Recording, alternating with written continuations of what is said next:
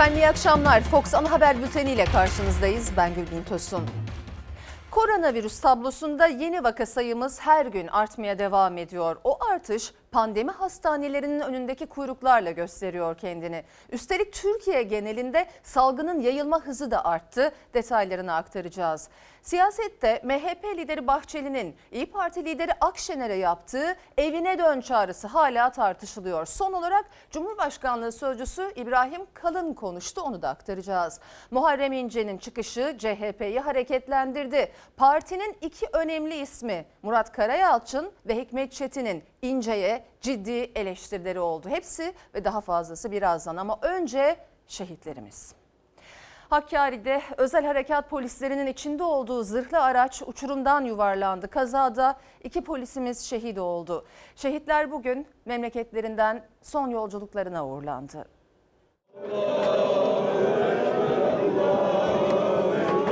Silah arkadaşlarının omuzlarında uğurlanan, vatan toprağına emanet edilen iki şehit. Özel Harekat Polisi Osman Gül 27, Adnan Kısar 52 yaşındaydı. Hakkari Yüksekova'da İran sınırındaki üst bölgesi yakınlarında devrilen bir araca yardım için yola çıkmışlardı. İçinde bulundukları zırhlı araç uçurumdan yuvarlandı. İki polis de şehit düştü. Şehit polisler törenle memleketlerine uğurlandı. Allah kurban da Allah. Şehit polis Osman Gül, Kahramanmaraş'ın Andırın ilçesine bağlı Bulgurkaya mahallesinde son yolculuğuna uğurlandı. Emekliliğine gün sayan şehit polis Adnan Kısar, Antalya'nın Kaş ilçesine bağlı Kınık mahallesinde toprağa verildi.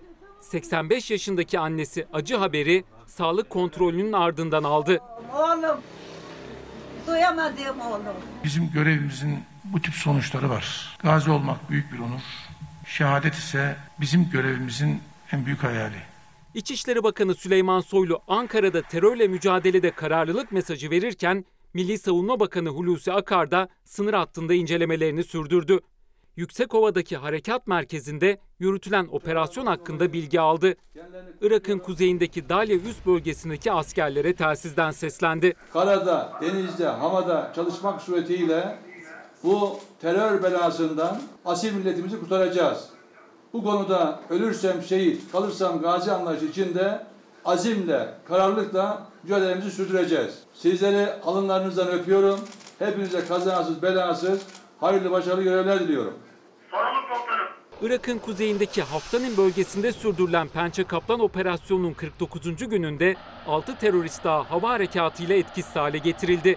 Milli Savunma Bakanlığı 3 PKK'lı teröristin de Avaşin bölgesinde düzenlenen hava harekatıyla etkisiz hale getirildiğini duyurdu. Fırat Kalkanı bölgesine sızmaya çalışan iki terörist de komandolar tarafından öldürüldü. Sadece üst düzey teröristlerden 62 tanesi etkisiz hale getirildi. Toplam etkisiz hale getirilen terörist sayısı ise yılbaşından bugüne kadar 474 oldu. Başımız sağ olsun. Sağ ol. Allah razı olsun. Makamları belli zaten şehitlerimizin. Cennet. Sağ ol. Ve evlatlarla beraber inanıyorum ki Rabbimin vaadi var. İnşallah. Burada sizleri buluşturacaktır. İnşallah. Cumhurbaşkanı Erdoğan bir ay önce Hakkari Çukurca'da teröristlerin üst bölgesine yaptığı füze atışı sonucu şehit olan piyade sözleşmeli onbaşı Emre Büyük Yıldırım'ın anne ve babasıyla telefonda görüştü. Böyle bir şehit annesi olmak çok büyük bir ödül. Allah sabırlar versin. Şehitlerimize Allah'tan rahmet, yakınlarına başsağlığı diliyoruz. Sayın seyirciler, Türkiye'nin hamleleri sonrasında Akdeniz'de sular ısınıyor. Ege ve Akdeniz'de sıcak saatler yaşandı gün boyu. Türkiye ve Yunanistan Doğu Akdeniz için karşılıklı Navtex ilanları yaptı. Ankara, Oruç Reis sismik araştırma gemisini duyurduğu koordinatlara gönderdi. Oruç Reis'in çalışmalara başlaması Atina'yı telaşlandırdı. Başbakan Mitsotakis Milli Güvenlik Konseyi'ni topladı. Türkiye Doğu Akdeniz'de yeni Navtex ilan etti. Oruç Reis, donanma gemileri desteğinde belirtilen koordinatlarda çalışmalara başladı. Paniğe kapılan Atina, yardım için Avrupa Birliği ve NATO'ya koştu. Türkiye ve Yunanistan arasında Doğu Akdeniz krizi geçen hafta iki ülkeyi çatışmanın eşiğine getirdi. Devreye Almanya Başbakanı Merkel girdi. Tansiyon tam düştü derken Atina verdiği sözü tutmadı. Mısır'la deniz yetki alanlarının sınırlandırılması anlaşması imzaladı. Kendince Türkiye'yi Doğu Akdeniz'de devre dışı bırakmaya çalıştı. Yunanistan'la Mısır'ın yaptığı anlaşma da bizim için yok hükmündedir. Çünkü bu gene Türkiye'yi Doğu Akdeniz'de dışarıda bırakmaya ve bizi Antalya Körfezi'ne mahkum etmeye dönük bir hamle. Bizim bunu kabul etmemiz söz konusu bile değil. Ankara Atina'nın hamlesine yanıt vermekte gecikmedi. Barbaros Hayrettin Paşa sismik araştırma gemisi Kıbrıs'ın güneyinde Karpaz açıklarında sondaj çalışmalarına başladı. Türkiye'nin Yunanistan ve Mısır'a verdiği yanıt bununla da kalmadı. Bugün ve yarın Doğu Akdeniz'de yapılacak atış eğitimleri için Navtex ilan etti. Türkiye sabah saatlerinde yeni bir adım daha attı. Akdeniz'de araştırma çalışmaları yürütecek Oruç Reis sismik araştırma gemisi için yeni Navtex yayınladı. Duyurunun 23 Ağustos'a kadar geçerli olacağı vurgulandı. Yunanistan ve Mısır'a gözdağı verildi. İlanın ardından Oruç Reis savaş gemileri eşliğinde Antalya'dan yola çıktı. Belirtilen koordinatlara ulaştığını Bakan Dönmez duyurdu. MTA Oruç Reis sismik araştırma gemimiz Akdeniz'deki yeni görevi için Antalya'dan demir alarak çalışma yapacağı alana ulaştı. Türkiye'nin enerji bağımsızlığı için Akdeniz'de ve Karadeniz'deki çalışmalarımız aralıksız devam edecek. 83 milyon arkanda Oruç Reis. Rastgele. Ve biz bu meşru tepkiyi Yunanistan ve Mısır'ın yaptığı bu anlaşmaya karşı bir meydan okuma olarak destekliyoruz.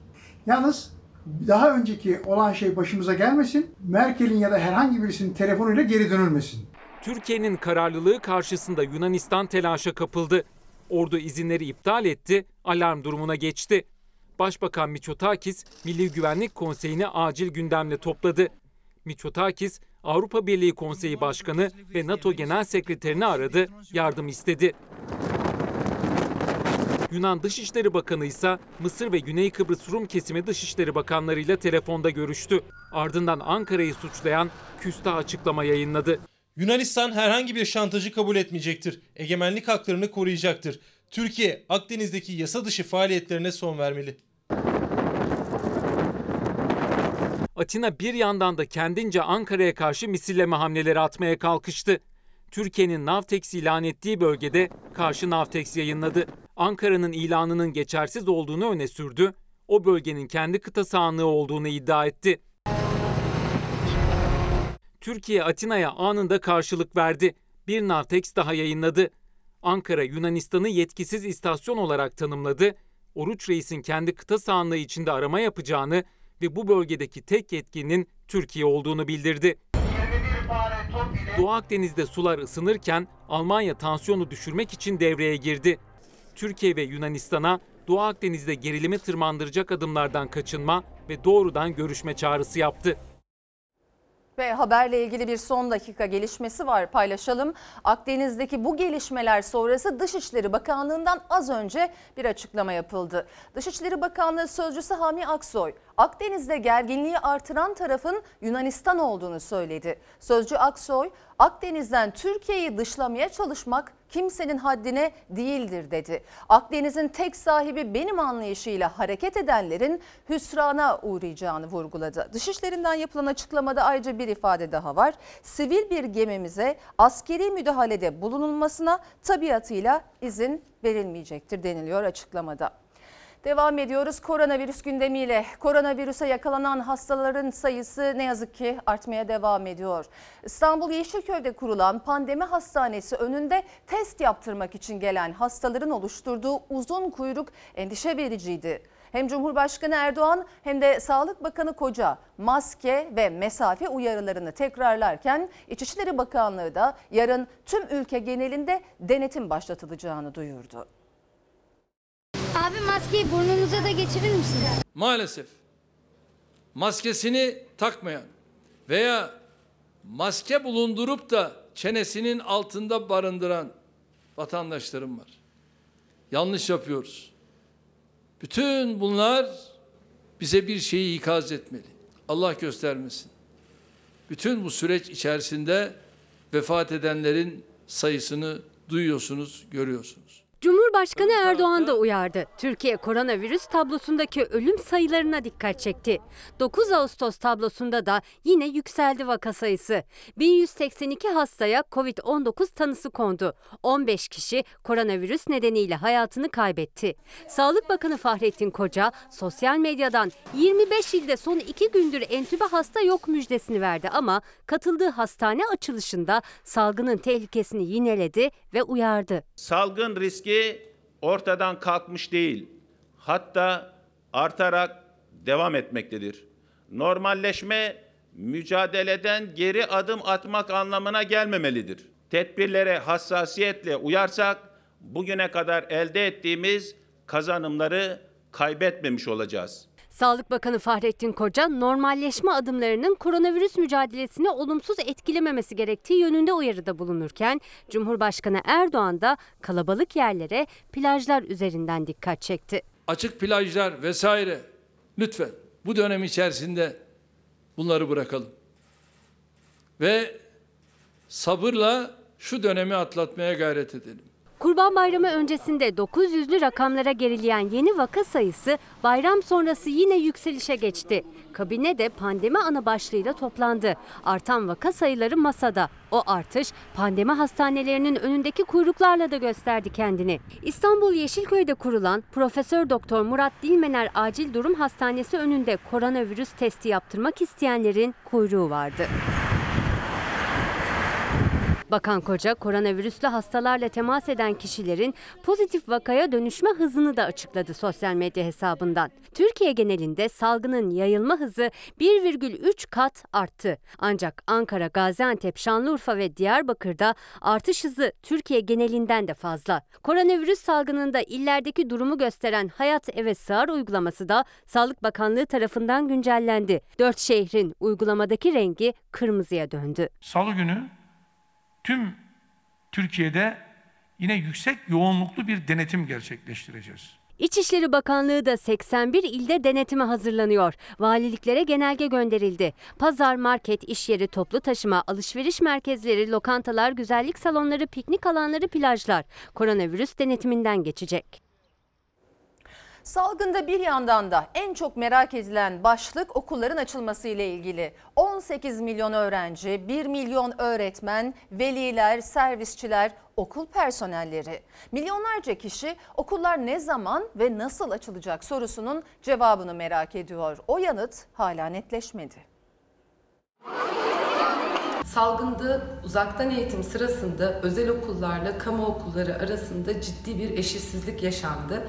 Telafi eğitimi kararı ile birlikte özel okulların erken açılması bu eşitsizliği daha da derinleştirecek. Eğitim senin endişesi eşitsizliğin daha da büyümesi. Özel okullarda yüz yüze telafi eğitimi 17 Ağustos'tan itibaren başlıyor. Devlet okullarında okuyan öğrenciler içinse tarih 31 Ağustos olarak açıklanmıştı. Okullar açılacak mı? Açılırsa hangi şartlarda olacak kimse bilmiyor. Milyonlar bu sorunun yanıtını arıyor. Vaka sayılarının 1200'lere ulaştığı gerçeklikte özel okullarda telafi eğitimi kararı öğrencilerin, öğretmenlerin, eğitim emekçilerinin, velilerin kaygılarını arttırmaktadır. Şimdi okullar açılmasın e, denilebilir. Evet okullarla ilgili riski ortadan kaldırmış olursunuz. Ama hani düşünün ki 26 milyon gencin hayatından bir seneyi çalmaya hakkımız var mı? Kabine toplantısının da gündemindeki ana konu başlıklarından biriydi okullar. Milli Eğitim Bakanı Ziya Selçuk hazırlanan senaryoları masaya sundu. Sağlık Bakanlığı çekincelerini dile getirdi. Okulların nasıl açılacağı konusu netleştirilmeye çalışıldı. Bu tür küresel salgınlarda 24 saat çok uzun bir zaman dilimi. Bu süreçte kaçınılmaz olarak hızla yeni tedbirlerin, kararların alınması ve bu sürecin yönetilmesi çok önemli. Önümüzdeki günlerde Milli Eğitim Bakanımız Bilim Kurulu'nun önerilerini de dikkate alarak yeni açıklamalar yapacaktır. AK Parti Genel Başkan Yardımcısı Mahir Ünal okullarla ilgili alınacak yeni kararların sinyalini verdi. Koronavirüs salgını ile birlikte uzaktan eğitime geçen ülkeler arasında dünyada sadece Türkiye ve Çin'in başarılı olduğunu söyledi. Ünal'ın bu sözleri uzaktan eğitimin kalıcı hale gelmesi konusunda bir kapı araladı. Bu işi e, durdurmak kolay değil ama eskisi gibi okulları da açmak sağlık açısından ciddi risk taşıyor. Okullarda ne yaparsak yapalım risk yok olmayacaktır. Yani risk hep olacaktır. Ama şöyle de düşünelim o risk her yerde var. Okulların açılması konusunda Milli Eğitim Bakanlığı'nın elinde farklı senaryolar var. Ancak ağırlık kazanan formül illerdeki salgın seyrine göre adım atmak. Öğrenciler, öğretmenler, veliler, servisler hepsi bu adımı bekliyor. Öne çıkan görüşe göre her ilde hatta ilçede okullar farklı takvimlerle açılabilir. Vaka sayılarının yüksek olduğu yerlerde ders zili daha da geç çalabilir. Okullarda da olanaklar açısından ciddi farklılıklar ve eşitsizlikler bulunmaktadır. Tam da bu yüzden toptancı kararlar alınmamalı. Asıl olan özel okul sahiplerinin gereksinimleri değil, elde edecekleri kazanç değil, öğrencilerimizin, eğitim emekçilerinin, öğretmenlerin, toplumun sağlık hakkıdır. Sayın seyirciler bugünkü Cumhurbaşkanlığı kabine toplantısında da masadaki maddelerden biri koronavirüsle mücadele ve okulların açılmasıydı. Peki ne konuşuldu? Somut bir karar alındı mı? Şimdi Ankara'ya dönüyoruz. Fox muhabiri Beril Ötkan karşımda. Beril ayrıntılar belli oldu mu? Ne çıktı toplantıdan seni dinleyelim. Henüz Cumhurbaşkanı Erdoğan kamera karşısına geçip o beklenen açıklamayı yapmadı ama dakikalar içinde kamera karşısına geçip eğitimdeki yeni yol haritasında ne olacak? Eğitim takviminde bir değişiklik olacak mı? Bunu açıklamasını bekliyoruz. Tabii milyonların yaklaşık 50 milyonun öğrencisiyle, velisiyle, öğretmeniyle, servisçisiyle, tüm eğitim camiasıyla yaklaşık 50 milyonun gözü kulağı bu açıklamada olacak. Çünkü özel okulların açılmasına sadece bir hafta kaldı ama belirsizlik sürüyor. Çünkü vaka sayıları düşmedi, giderek arttı. Milli Eğitim Bakanı 15 Ağustos'tan sonra özel okulların telafi eğitimlerine başlayabileceğini söylemişti ama bu açıklamayı yaptığında vaka sayıları 900'ler civarındaydı ama sonra giderek arttı. İşte bu yeni tabloda acaba eğitim nasıl olacak? Özel okullar açılmaya başlayacak mı? Bir taraftan özel okullarda takvimde henüz bir açıklama olmadığı için takvimde bir değişiklik olup olmayacağına dair belirsizlik sürdüğü için hazırlıklarını son hız devam ettiriyorlar. Yarın da Milli Eğitim Bakanı ile görüşmeleri e, söz konusu olabilir. Bütün hazırlıklarını yapıyorlar ama veliler de bir taraftan endişeliler. Hem paralarını yatıran veliler var.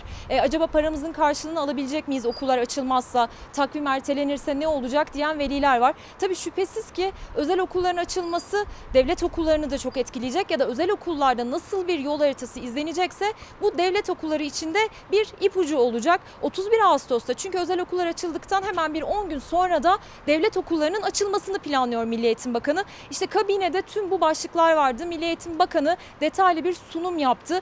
Ee, daha önce açıklamıştı. Dört farklı bir e, formül üzerinde çalışıyorlar. Bunlardan ilki seyreltilmiş eğitim. Seyreltilmiş eğitim yani bir sınıfı ikiye bölerek sınıfın bir bölümünün bazı günler okula gitmesi, diğer bölümünün de geriye kalan haftanın diğer geri günlerin e, geriye kalan günlerinde okula gelmesiydi. Bir diğeri de tam gün olan okulların yarı zamanlı olması yani sabahçı öğlenci formülünün uygulanması. Fakat burada da bazı e, akıllarda soru işaretleri var. Tüm okulların kapasitesi ya da fiziki şartları bunun için uygun mu diye. E, bir diğer formül de il bazında yani vaka sayılarının çok arttığı illerde örneğin Ankara bunlardan bir tanesi konuşulan illerden bir tanesi. İstanbul nüfusun en yoğun olduğu il bu yüzden vaka sayısı çok fazla. E, Doğu illerinde fazla olduğunu biliyoruz.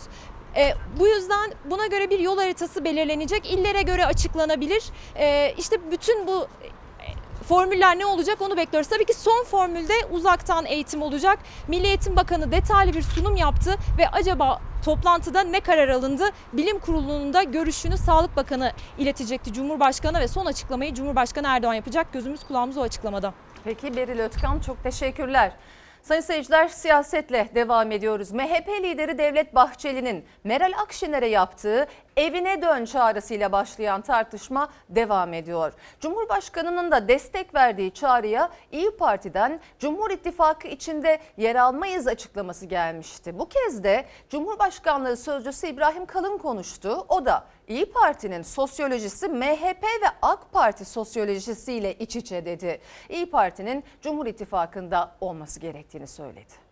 İyi Parti'nin e, dayandığı sosyolojiye bakarsanız yani AK Parti ve MHP sosyolojisiyle çok iç içedir. Ait olduğumuz değerler dünyası itibariyle biz Milliyetçi Hareket Partisi ve AK Parti'nin değerler dünyasına aitiz. Ama bu değerler adına yapılan yanlışlar asla razı değiliz. İyi Parti'nin bu sosyolojiden kopup başka bir siyasal blok içinde yer alması siyasetin ve sosyolojinin biraz tabiatına aykırı bir şey. İyi Parti'nin ne Adalet ve Kalkınma Partisi ne de MHP ile sosyolojik olarak bir türdeşlik göstermesi imkansız. Çünkü biz kurucu değerlere bağlı, demokrat, cumhuriyetçi, milliyetçi bir partiyiz. Akşener'e eve dön çağrısı sonrası İyi Parti sözcüsü Yavuz Ağralioğlu değerler üzerinden AK Parti ve MHP'ye yakınız dedi ama yanlışa razı olmayız şerhi düşerek Cumhurbaşkanlığı sözcüsü İbrahim Kalın da yakınız vurgusunu öne çıkardı. Çağrının karşılık bulacağını ima etti. İyi Parti'den yanıt gecikmedi. Tabii ki şimdi İyi Partili yöneticiler de e, tamam hadi biz buraya gidiyoruz deyip hemen gidemeyebilirler. Yani bunun istişarelerini yapacaklar. Kendi tabanlarına soracaklar. İbrahim Kalın'ın İyi Parti ile Adalet ve Kalkınma Partisi MHP arasında sosyolojik olarak bir türdeşlik gösterdiği şeklinde yaklaşımı Devlet Bahçeli ve Sayın Erdoğan'ın Millet İttifakı'nı dağıtmaya yönelik stratejisinin bir parçası. Temenni ederim ki birlik beraberliğin tesisine yönelik inşallah bir adım olabilir. Cumhur İttifakı'nın içine girer miyiz? Girmeyiz. Devlet Bey'in çağrısından ve Cumhurbaşkanımızın ona verdiği destekten, destekleyici açıklamalarından gelin bir pazarlık yapalım mesajını almıyorum. Bahçeli'nin Akşener'e eve dön çağrısı ve Cumhurbaşkanı'nın desteği sonrası MHP cephesi izlemeye geçti. İyi Parti Cumhur İttifakı'na girmeyiz dese de iktidar gündemde tutuyor. Cumhurbaşkanlığı sözcüsü İbrahim Kalın CNN Türkiye konuştu. Deva Partisi lideri Ali Babacan da Fox Çalar Saat'te Ezgi Gözeger'in konuğuydu. Cumhur İttifakı'nın Akşener'e çağrısını ayak oyunu ifadesiyle yorumladı. İzliyoruz, bakıyoruz kim ne yapıyor, ne ediyor. Memleketin bu kadar yakıcı sorunları varken böyle ayak oyunları, tiyatrolar, senaryolar, içi boş tartışmalarla vakit kaybedecek bir lüksümüz yok bizim. Devlet Bey'in eve dön çağrısı aslında ya Cumhur İttifakı senin de ait olduğun doğal siyasal blok e, burası demiş oldu. Cum- Cumhurbaşkanımız bundan sadece memnuniyet duyar. E, doğal olarak bir siyasi lider kendi ittifakını da genişletmek, büyütmek ister. Bu sistemin artık milletin dertlerine derman olamayacağı iki yıllık karnesinden görüldü. Sistem değiştirilirse bu değiştirilecek olan sisteme katkı sağlayacağız. Çerçevesi bu. Davete böyle mukabele ediyoruz. Seçime yönelik bir hareket olma ihtimali sıfır. Muhalefetin sistem eleştirisi İyi Parti'nin parlamenter sisteme katkı veririz çıkışı. Akşener'e yapılan davet bir erken seçim hamlesi mi, erken seçimin işareti mi sorusuna İbrahim Kalın seçim yok dedi. Ama Babacan tarih verdi. Sayın Cumhurbaşkanımızın da Sayın, Sayın Devlet Bahçeli'nin seçimi erken alalım, erken seçim yapalım gibi bir düşüncesi asla yok. 2023'e kadar Türkiye'nin ne ekonomik yapısı ne sosyolojisi dayanmaz. 2021 ya da 2022 yılında artık seçimin kaçınılmaz olacağını tahmin ediyoruz. Bugünkü şartlara göre, elimizdeki bugünkü verilere göre. Akşener'e eve dön çağrısıyla başlayan tartışma. İyi Parti'den gelen sosyolojik bağımız yok açıklaması. İttifak hamleleri de erken seçimde gündemde. CHP'de ise gündem Muharrem İnce. Partisini de eleştirerek yeni yola çıkıyorum açıklaması CHP'yi daha da hareketlendirdi. Kemal Kılıçdaroğlu partinin iki önemli ismi Murat Karayalçın ve Hikmet Çetin'le bir görüşme gerçekleştirdi. Cumhurbaşkanlığı Sözcüsü İbrahim Kalın da Muharrem İnce yeni parti kurarsa şaşırmam dedi. Hain diyenler, bölücü diyenler hepsini biliyorum. Kim Diyen- hain, kim bölücü herkes önümüzdeki haftayı beklerse Bizi bölmek, parçalamak isteyecekler. Ama hiç kimsenin unutmaması gereken bir şey var. Cumhuriyet Halk Partisi, Türkiye Cumhuriyeti'nin kalesidir. Cumhurbaşkanımızla bu konuyu konuştuk da yani hiç öyle bir şey modunda değil asla Cumhurbaşkanımız. Ha iyi olur ya biraz CHP'nin içi ka- karışır falan. Yani öyle bir gündemi yok. Muharrem İnce'nin başlatacağı hareketle ilgili Beştepe'den ikinci açıklama geldi. Bu kez sözcü İbrahim Kalın ses yükseltti. Kalın, Cumhurbaşkanı'nın CHP içi karışsın diye bir gündemi yok derken Kılıçdaroğlu partinin iki önemli ismi Murat Karayalçın ve Hikmet Çetin'le Muharrem İnce zirvesi gerçekleştirdi. Kılıçdaroğlu İnce'den partili gibi davranmasını isterken Haber Global Televizyon'da konuşan Murat Karayalçın da o zirvenin detaylarını anlattı. düşüncelerimizi e, anlattık. E, Sayın Hikmet Çetin e, birliğin, bütünlüğün gerekliliğini ifade etti. E, ben de buna katılıyorum. Madem parti kurmuyor, partili gibi davranmasını beklerim. pek çok gerçekler var, pek çok da yalan var. Önümüzdeki haftaya kadar sabırla beklemelerini istiyorum. Muharrem İnce yeni haftaya randevu verirken bir parti kurmuyorum yola çıkıyorum. Hareket başlatıyorum açıklaması yaptı. Hareketin amacını da Cumhurbaşkanlığı seçiminde aldığı %31'lik oyu %51'e çıkarmak olarak açıkladı. Ben bir hareket başlatıyorum. Başlat hareketi ne güzel. Cumhuriyet Halk Partisi'nin oyunu %31'den %51'e çıkaracağım. Cumhurbaşkanlığı seçimini kazanacağım. Ne güzel iddialar bunlar. Helal olsun yap ama bu hareket partiye dönüşebilir. Bunlar doğru değil. CHP lideriyle görüşen Murat Karayalçın da Muharrem İnce'yi uyardı. Mücadelenin CHP içinde iktidara karşı verilmesi gerektiğini söyledi. İnce'yi şantajla suçlarken Kılıçdaroğlu da Muharrem İnce randevu isterse görüşürüm dedi. Ben Cumhuriyet Halk Partisi'nin e, Cumhurbaşkanı adayı olurum, olmalıyım. Olmazsam imza toplayarak e, bir kampanya başlatırım şeklindeki bir açıklama Muharrem Bey gibi bir siyasetçinin söyleyeceği söz değil. Bu bir şantaj. Bugüne kadar kim benden randevu istemişti alamamış. Randevu alsın benim için sorun yok. Sayın Muharrem Bey ile ilgili olarak o da onun en doğal, en tabii hakkıdır. Cumhurbaşkanı Erdoğan Muharrem İnce'nin hamlesiyle ilgili bu yorum yapmıştı. CNN Türk televizyonunda konuşan Cumhurbaşkanlığı sözcüsü İbrahim Kalın da CHP içinden yeni bir partinin doğması şaşırtıcı olmaz dedi. CHP'nin içinde yeni bir sese, yeni bir soluğa ihtiyaç var tartışması hani dönem dönem ortaya çıkıyor. Güçlü bir şekilde seslendiren aktörlerden birisi de Sayın Muharrem İnce oldu. O şeye baktığımda ben e, yarın öbür gün böyle bir siyasi yapılanmanın içine girer, yeni bir parti kurarsa şaşırmam. Siyaset ama en çok da CHP Muharrem İnce'nin ne yapacağına kilitlendi. CHP eski genel başkanı Deniz Baykal da önümüzdeki günlerde Kılıçdaroğlu'yla bir araya gelecek. Muharrem İnce krizinin aşılması gerektiğini söyleyecek.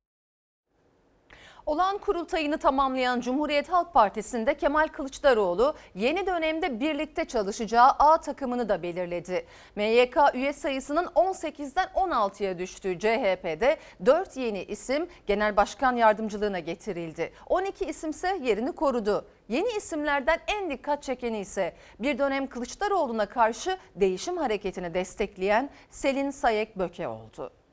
Firavunların iktidarını yıkıp halkın iktidarını kuracağız. Hedef iktidar sloganıyla yapılan kurultay sonrası Kemal Kılıçdaroğlu A takımını da belirledi. CHP Merkez Yönetim Kurulu üyelerinden 12 isim koltuğunu korurken MYK'ya 4 de yeni isim eklendi. Selin Sayek Böke partinin yeni genel sekreteri. Biz bunu ilk kez yaşamıyoruz. CHP tarihinde üçüncü kez bir kadın parti genel sekreteri oldu. Son dönemde değişim talebiyle Kılıçdaroğlu'na muhalif seslerin arasında dikkat çekiyordu Selin Sayek Böke. Genel sekreterlik koltuğuna oturdu. Burası Külbistan oldu dedik Elbistan değil. Aynı zamanda Zehiristan da oldu. Filtresiz bacalarıyla zehir saçan termik santrallerle ilgili mücadele veren Ali Öztunç da doğa hakları ve çevreden sorumlu genel başkan yardımcısı oldu. Enerji ve altyapı projelerinden sorumlu genel başkan yardımcılığına Ahmet Akın, sosyal politikalardan sorumlu genel başkan yardımcılığına ise Yüksel Taşkın getirildi. 83 milyon insanı kucaklayarak yola çıkacağız. 60 kişilik parti meclisi üyeleri arasından seçilen yeni MYK'da parti örgütlerini bir kez daha Oğuz Kağan Salıcı'ya teslim etti CHP lideri. Parti sözcüsü de değişmedi. Faik Öztrak. Ucube saray rejimi Onursal adı güzel, Muharrem Erkek, Lale Karabıyık,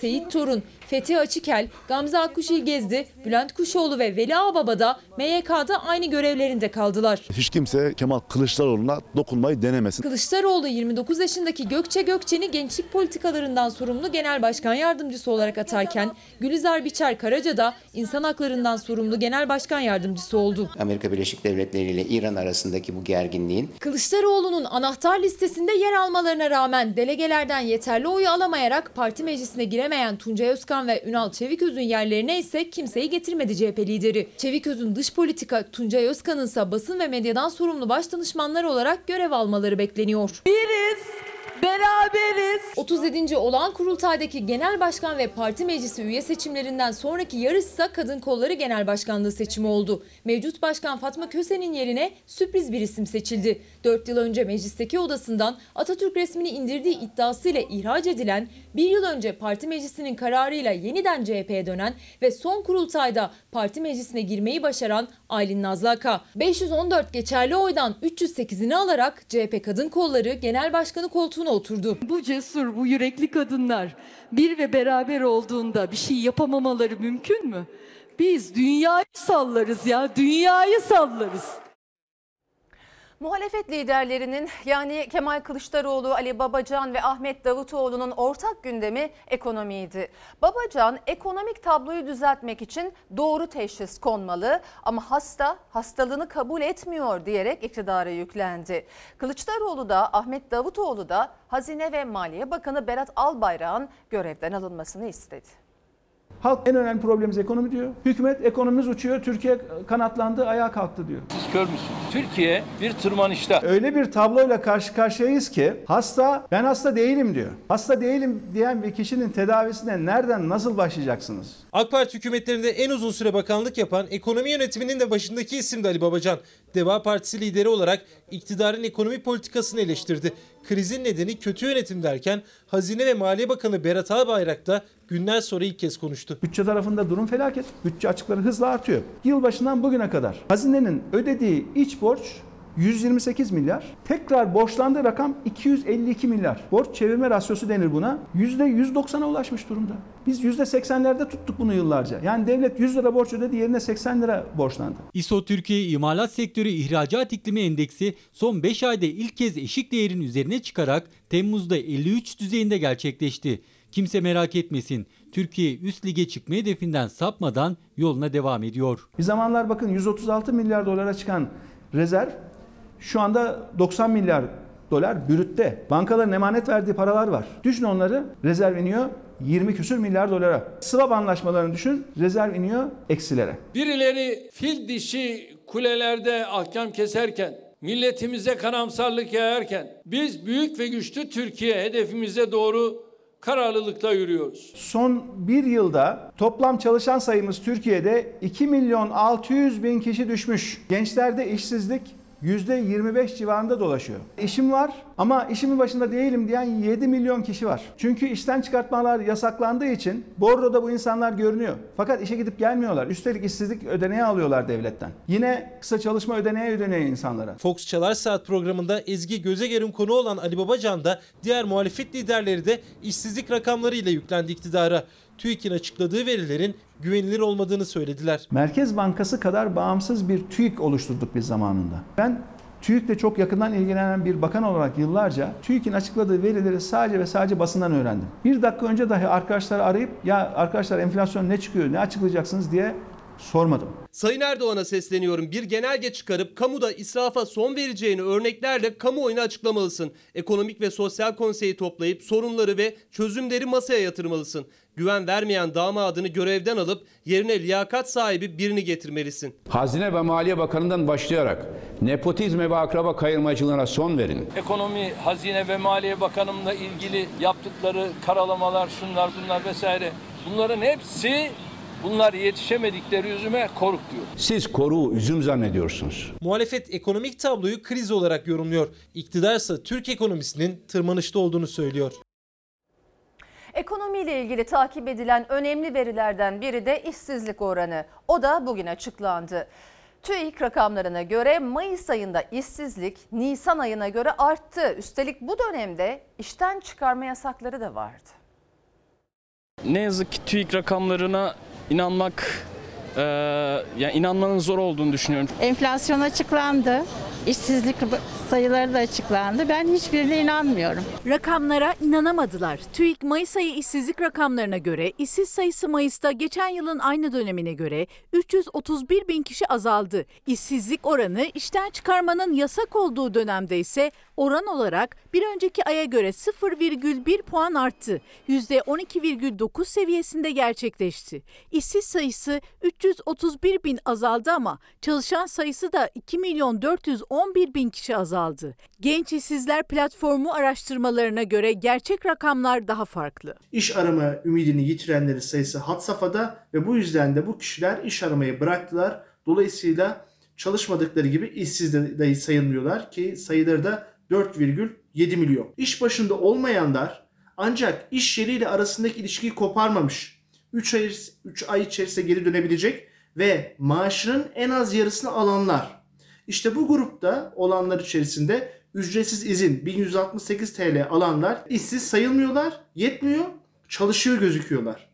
Bunlardan ötürü de aslında istihdam oranı da tam manasıyla gerçek e, oranı yansıtmıyor. Ekonomist Murat Kubilay'a göre gerçek işsizliği anlamak için istihdam edilenlerin sayısına bakmak gerekiyor. %12,9 çıkan işsizlik oranına bakmak yerine kaç çalışabilir nüfustayın kaçının çalıştığını ifade eden istihdam oranına bakmakta biraz daha fayda var. Ki bu oranda %41,4'e düşmüş durumda. Gelişmiş ülkelerde bu %70'ler düzeyinde. İstihdamın azaldığını aslında TÜİK de ortaya koydu. Sadece bir yılda istihdam edilenlerin sayısı 2 milyon 411 bin kişi azaldı. Askerden önce işsiz kaldım. Şu anda iki aydır işsizim. Ee, şirkete de haber verdim. Fakat pandemi sürecinde olduğumuz için ülkemiz zor durumda. Ee, şu anda alamayacaklarından bahsetti kendileri. Benim kızım üniversiteyi bitirdi. E, iş başvurularının çoğu reddediliyor. En sonunda bir iş teklifi geldi. E, ba- baba dedi 1250 lira dedi teklif ediyorlar dedi. Kızım dedim otur. 1250 lirayı dedim ben sana vereyim. Yani gençlerin e, maalesef içine düştüğümüz tablo bu. İşsizliğin açıklanandan çok olduğunu uzmanlar kadar 10 milyonların arasında olanlar da söylüyor. Yaklaşık bir buçuk senedir işsizim. Üniversite mezunuyum. Şu an pandemi süreci birçok yerde iş almıyor. TÜİK rakamlarına göre işsiz sayısı düştü ancak işsizlik oranlarına baktığınızda işten çıkarmalar yasak olmasına rağmen ufak da olsa bir yükseliş gözlendi. Bu arada istihdam edilen kişilerin sayısı da düştü. Gülten Hanım da o istihdam edilmeyi bekleyen binlerce kişiden biri. Düşer çünkü çalışanları çıkartıyorlar. Kaldı ki nasıl biz iş bulacağız ki? Yani soruyorum size, siz de görüyorsunuz. Şuradaki insanlara bakar mısınız? Herkes boş geziyor. Çevrecilerin Kaz Dağları'ndaki çevre nöbeti devam ediyor. Ancak çevre mücadelesi verenler bir süredir cezalarla karşı karşıya. Pandemi döneminde ormanlık alanlara girişin yasak olması gerekçe gösterilerek çevre nöbetçilerine 400 bin liranın üzerinde ceza kesildi. Çevreciler cezalara itiraz etmeye hazırlanıyor. Son iki aydır e, her gün e, orada olan arkadaşlarımıza, alanı ziyaret eden arkadaşlarımıza e, cezalar yağmaya başladı. Örnekse benim 60-70 bin lira cezam oluştu. Bunu bir yıldırma politikası olarak, bir baskı aracı olarak kullanıyorlar. İtirazları bu manzaraya. Tam bir yıldır binlerce dönümlük alanda ağaçların kesilmesini, altın madeninin protesto için nöbette çevreciler. Ama o nöbet pandemi döneminde cezalarla devam ediyor. Koronavirüs salgını başladığından bu yana 400 bin liraya aşan cezalarla karşı karşıya kaldılar. Son olarak avukat Burcu Özaydın ve Çanakkale Tabip Odası Başkanı Güleda Eransoy'a Haziran ayında bölgeye gittikleri için 3180 lira para cezası kesildi. Sokaklar e, doluyken, her yer e, kafeler, mekanlar, parklar, bahçeler açıkken e, nüfusun neredeyse hiç olmadığı orman alanında böyle bir yasağın uygulanması aslında e, buradaki e, amacı da e, açıkça gösteriyor. Bu arada e, bize e, kesilen cezalarla ilgili e, haciz süreçleri de başladı. Daha tebligat almayan arkadaşımızın, bir arkadaşımıza haciz süreci başladı.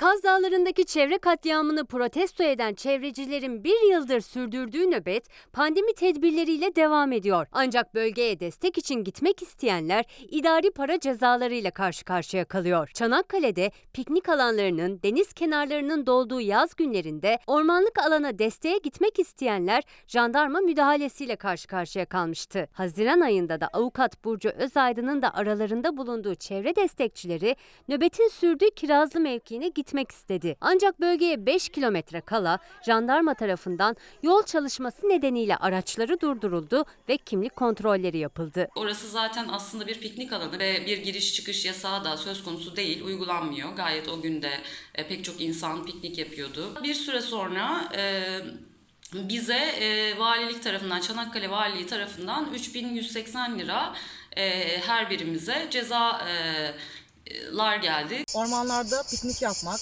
e, drone uçurmak ve ormana giriş yasağı gerekçe gösterilerek biz yaşam savunucularına 400.524 TL idari para cezası kesildi. Cezalara gerekçe olarak koronavirüs tedbirleri kapsamında ormanlara girişin yasak olması gösteriliyor. Çevre nöbetçilerine göre ise neden farklı? Burada e, ormanlık alanları bahane ederek Kaz Dağları nöbet alanı kapsamı altına alınıyor. Sürdürdüğümüz nöbet özellikle pandemi koşullarında aleyhimize bir ceza unsuru olarak kullanılarak direncimiz kırılmaya çalışılıyor. Şirket çalışanları alana e, gece gündüz sürekli olarak girip çıkmakta. Onlara hiçbir şekilde ormana giriş çıkışla ilgili bir işlem yapılmıyor. Maden şirketinin ruhsatı sona erdi. E, yeni ruhsat başvurusu yaptılar fakat e, çıkmadı yeni ruhsatları. Kaz Dağları'ndaki tahribata dikkat çekmek isteyen çevreciler ruhsatı olmamasına rağmen hala bölgede faaliyet gösteren şirketin ceza almasını beklerken kendileri cezalarla, hacizlerle karşılaştılar. Şimdi o cezalara itiraz haklarını kullanacaklar. Çevre mücadelesini ise bırakmamaya kararlılar. Onlar ormandan gidene kadar biz burayı terk etmeyeceğiz. Yeni eğitim dönemi nasıl olacak henüz tam kesinleşmedi ama yüz binlerce gencin üniversite tercih heyecanı devam ediyor. Hayallerine bir adım daha yaklaşan öğrenciler için son gün 14 Ağustos uzmanı bu süreçte adaylar için önemli tavsiyelerde bulundu. Havacılık yönetim bölümünü düşünüyorum. İş imkanı gerçekten olan bir bölüm. Çünkü havacılık sektörü gün geçtikçe gelişiyor. Bir bölümü tercih Lojistik. Çünkü şu anlık alan çok fazla var ve orada iş bula- bulabilme imkanım var. O yüzden tercih ediyorum ben. Hayaliniz olan bir Yok hayalim olan bölüme ulaşamıyorum ben. Çünkü puanlar gerçekten çok yüksek. Sınavlar bitti. Şimdi sırada tercihler var. En son virajı da dönüp üniversiteli olmaya hazırlanıyor adaylar. Bu süreçte en az sınavlar kadar önemli. Uzmanlar adayların neye dikkat etmeleri gerektiğini anlattı. Sıralarken asıl olan istektir, öğrencinin istediği.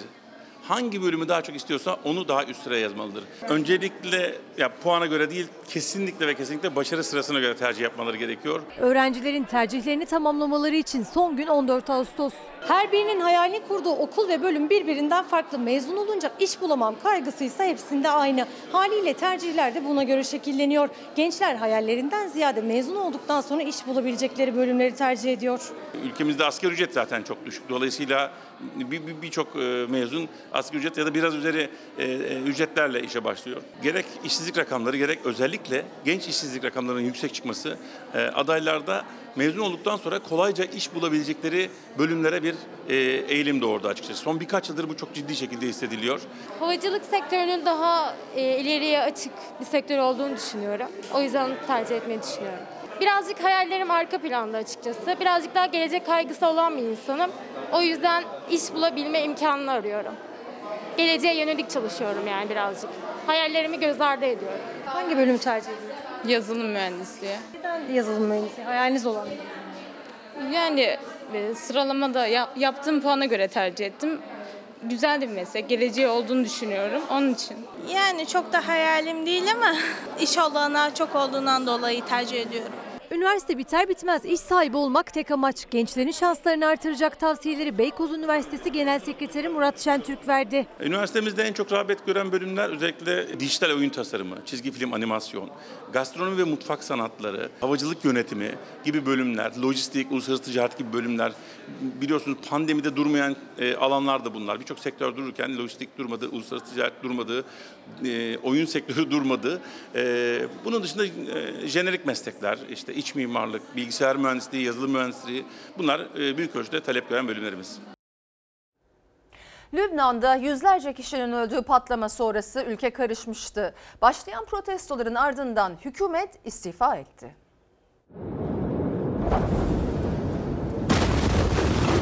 Beyrut limanındaki patlama Lübnan'da hükümeti düşürdü.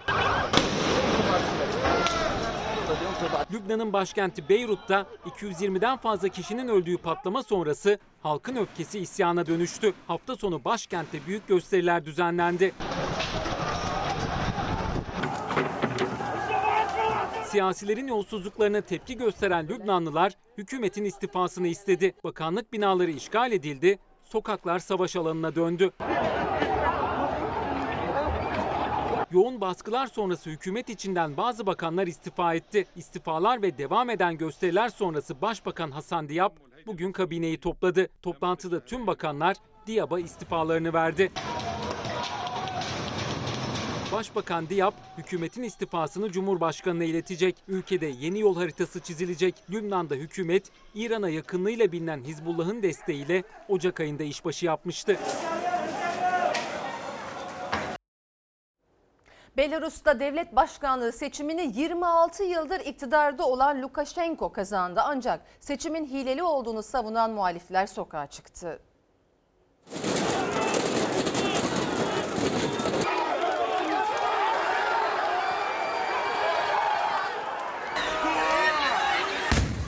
Seçim sonuçları açıklandı. Belarus'ta sokaklar karıştı. Muhalefet sonuçları tanımadığını açıkladı. Avrupa'nın son diktatörü olarak tanınan Lukashenko'ya isyan bayrağı açtı.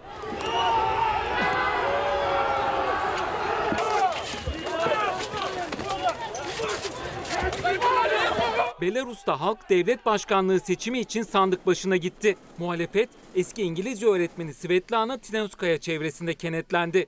Alexander Lukashenko'nun 26 yıllık iktidarına son vereceklerine inanıyorlardı. İlk sonuçların açıklanmasıyla muhalefet hayal kırıklığına uğradı. Lukashenko resmi olmayan sonuçlara göre %80 üzerinde oy oranıyla koltuğunu korudu. Seçime hile karıştığını iddia eden muhalifler sokağa çıktı. Güvenlik güçleri caddeleri kapattı, internete erişim engellendi. Protestolar kısa sürede çatışmaya dönüştü. Sayın seyirciler sadece hayvanlar değil bazen hayvanseverler de kötü muameleyle karşılaşıyor. İstanbul'da bir kadın komşusunun kediler için bıraktığı mamaları kapları ile birlikte alıp çöpe attı. Komşusunun feryatlarına bir an bile aldırmadı. Söyleyeceğim seni atamazsın hayvanların mamalarını. Atamazsın. Uyarılara kulak asmadı, bir an bile duraksamadı. Komşusunun evindeki kediden pire bulaştığını iddia edip sokak hayvanlarının karnını doyuracakları mamaları kaplarıyla beraber alıp çöpe attı. Atamazsın ve kayda alıyorum seni. Benim evimdeki kediden sana pire geçmezsen kafayı yemişsin. İstanbul'da komşuların mama kavgası yansıdı kameralara. Şişli Feriköy'de yaşayan Meryem Ye, komşusunun evindeki kediden kendisine pire bulaştığını iddia ederek sokak hayvanlarının beslenmesi için konulan mamaları kaplarıyla beraber tek tek çöpe attı. Hayvanların mamasından sen ne istiyorsun atıyorsun? Sokak hayvanlarının 5199 sayılı kanun gereği sokakta beslenme hakkı var. Sen atamazsın onların mamasını. Ancak sokak hayvanlarının en doğal hakları olan beslenme haklarını elinden aldı Meryem Ye. Komşusunun feryatlarına da, görüntüleniyor olmasına da aldırış etmedi. Sen ne istiyorsun onlardan? Sen ne istiyorsun hayvanlardan? Hayvanların mamasını çöpe attın atamazsın ve kayda alıyorum seni. Şimdi ara zamanı. Efendim Fox Ana Haber Bülteni'ni burada noktalıyoruz. Fox'ta yayın Yaparsın Aşkım'ın yeni bölümüyle devam edecek. İyi bir akşam geçirmenizi diliyoruz. Hoşçakalın. Bir tek dostuma